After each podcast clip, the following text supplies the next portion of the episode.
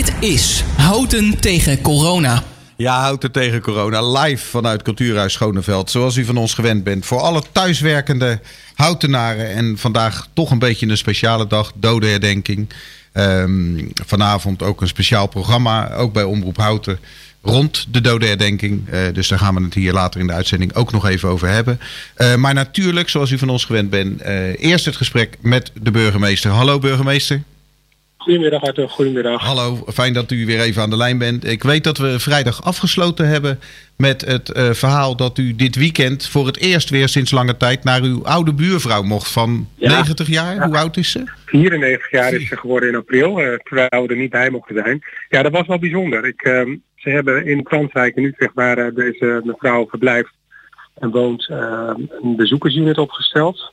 En dat betekent dat, uh, dat zij aan de ene kant wordt binnengereden in haar rolstoel door een verzorger en ik aan de andere kant via de buitenkant uh, aan de andere zijde van de unit binnen mag komen. En dan zit er een glasplaat tussen. Er staan twee microfoons aan beide kanten en dan kun je met elkaar praten. Dus we waren aangenaam verrast door elkaar weer te zien.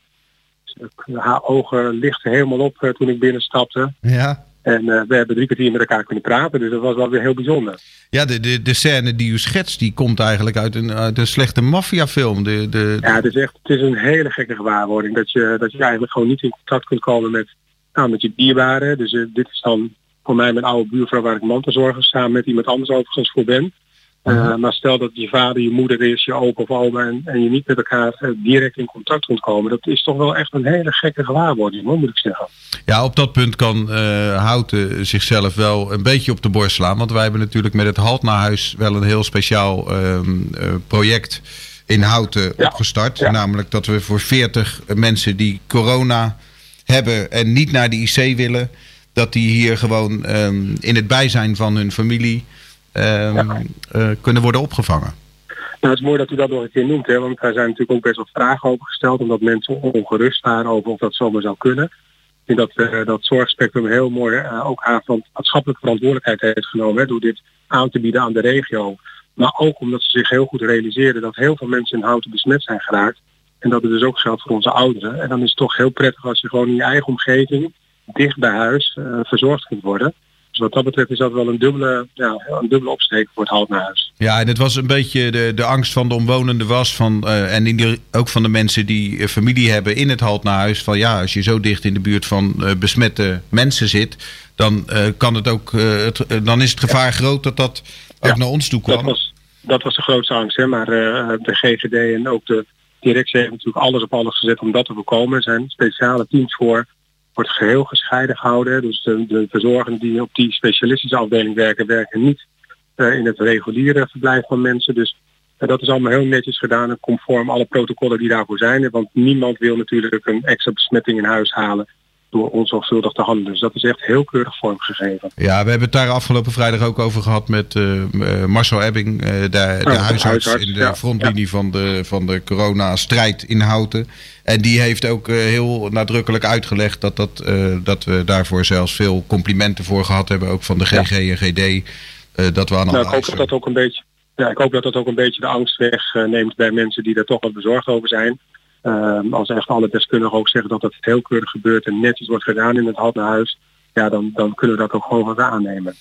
Uh, is er uh, wat u betreft nog uh, iets bijzonders te melden nu over Houten? Dan ga ik het daarna nog even met u hebben over de dodenherdenking. Nee, het is, ehm, het, is, het is rustig. Ik krijg keurig altijd de verslagen van onze toezichthouders en van de politie. Ik moet zeggen dat uh, petje af vooral onze inwoners die zich keurig aan de richtlijnen houden. Doet u dat ook nog vooral? Blijf het ook doen de komende weken. Want zolang het virus nog rondwaart, moeten we echt die afstand in acht nemen. Anderhalf meter. En als het niet nodig is, gaat u niet naar buiten. Blijf gewoon lekker in huis. Geniet van het mooie weer op balkon of tuin.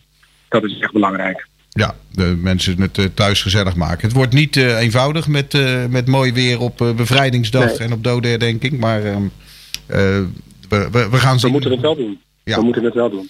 Ja. U heeft uw punt weer uh, gemaakt, uh, burgemeester, op dat punt. Uh, de dodenherdenking, die is vanavond. En ik merkte toen ik hier naartoe reed, dat ik eigenlijk dacht... ja, waar, waar, wat herdenken we eigenlijk nog op dodenherdenking? Want op een of andere manier zijn de mensen die, die de Tweede Wereldoorlog hebben meegemaakt... hun verhalen zijn langzaam aan het, aan het weg...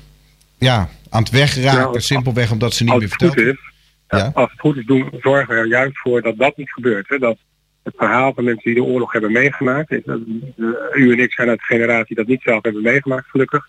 Maar juist het voorkomen dat dit soort verhalen verdwijnen in de vergetelheid.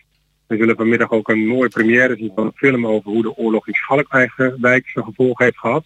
Oh, op dat zijn juist verhalen. Is dat? Ja, op ja. RTV wordt hij uitgezonden. Hij wordt ook via de website uitgezonden. Ja. En juist uh, het vastleggen van de verhalen van mensen die de oorlog hebben meegemaakt, het blijft ook, zorgt ervoor dat die herinnering levend wordt gehouden. Want uh, nou ja, wat ik zelf zag toen ik afgelopen weekend bij mijn oude buurvrouw was, er 94 jaar. Ja, die heeft maar ze praat, nog over, ze praat nog over de oorlog in al haar, ja, in al haar bewustzijn. En ook uh, vanuit een herinnering die nog zeer levendig is. En als je die verhalen hoort van mensen die dat zelf hebben meegemaakt en je legt dat vast, dan weet ik over 25 jaar nog steeds hoe het 100 jaar geleden was toen de oorlog uh, in Nederland eindigde.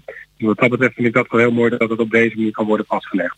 Dat is belangrijk. En u, u, als u straks 90 bent, wat denkt u dat dan het verhaal is wat u zal vertellen in het, uh, in het verpleegtehuis? Is dat het verhaal nou, van als corona? Als ik, 90, nou, als ik 90 jaar ben, dan zal ik zeker deze periode uh, terughalen.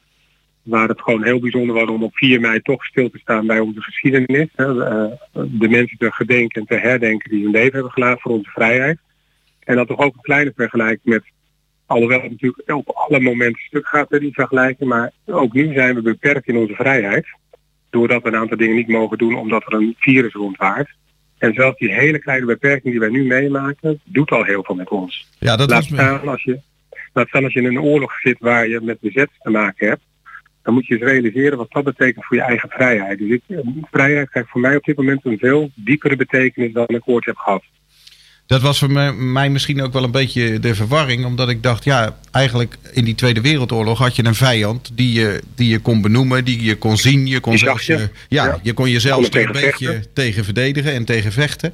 En nu hebben we eigenlijk een veel uh, ja, um, vloeibaarder vijand. He, we kunnen hem maar je ziet hem niet, hè? Nee, je, je ziet, hem niet. Het is niet iets waar je ten, ten strijde tegen trekt. Ja, dat doen de medici, maar dat is natuurlijk ook allemaal in laboratoria. Dus dat maakt het ook gewoon wel echt ingewikkeld. Maar de vergelijking niet wilde maken. En nogmaals, uh, uh, gaat echt helemaal niet om met een oorlogssituatie, dat dat duidelijk zijn. Mhm. Maar het doet wel iets met je vrijheid. En dat is denk ik wat we nu wel met elkaar uh, gemeenschappelijk meemaken.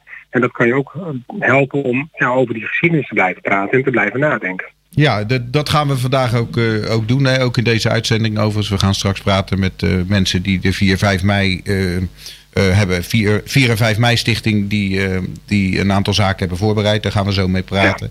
Ja. Um, voor u persoonlijk is het dat gevoel van vrijheid wat, wat op de kaart ja, blijven? Nou ja, dat. maar toch ook wel een paar verhalen die ik van mijn vader heb gehoord. Die de oorlog ook heeft meegemaakt destijds. Dus het zijn ook wel de dagen waarop je ook gewoon weer even stilstaat. Ik ben ook bij het graf van mijn ouders geweest het weekend het doet, ja, het doet bij mij toch altijd iets even tot rust komen, nadenken, het gevoel weer naar boven laten komen. En voor mij blijft 4 mei dan ook een hele bijzondere dag. Oké, okay. ik ga u weer bedanken, burgemeester. Uh, u was er weer op het juiste moment. En uh, morgenochtend uh, of morgen om 12 uur gaan we u weer bellen. Dat is goed. En mag ik toch ook nog een oproep plaatsen om vanavond om 8 uur met z'n allen twee minuten stilte in acht te nemen. Heel goed. U hoorde dat de muziek gelijk werd weggedraaid. U wilde nog een oproep doen. Vanavond, 8 uur, uh, is er hier in Houten ook een herdenking uh, op het, uh, oude, het kleine oude, oude dorp. dorp. Plein in het oude ja, dorp. Oude dorp ja. Daar gaan we naar luisteren en kijken. Heel goed. Dank u wel. Tot morgen. Dank je wel.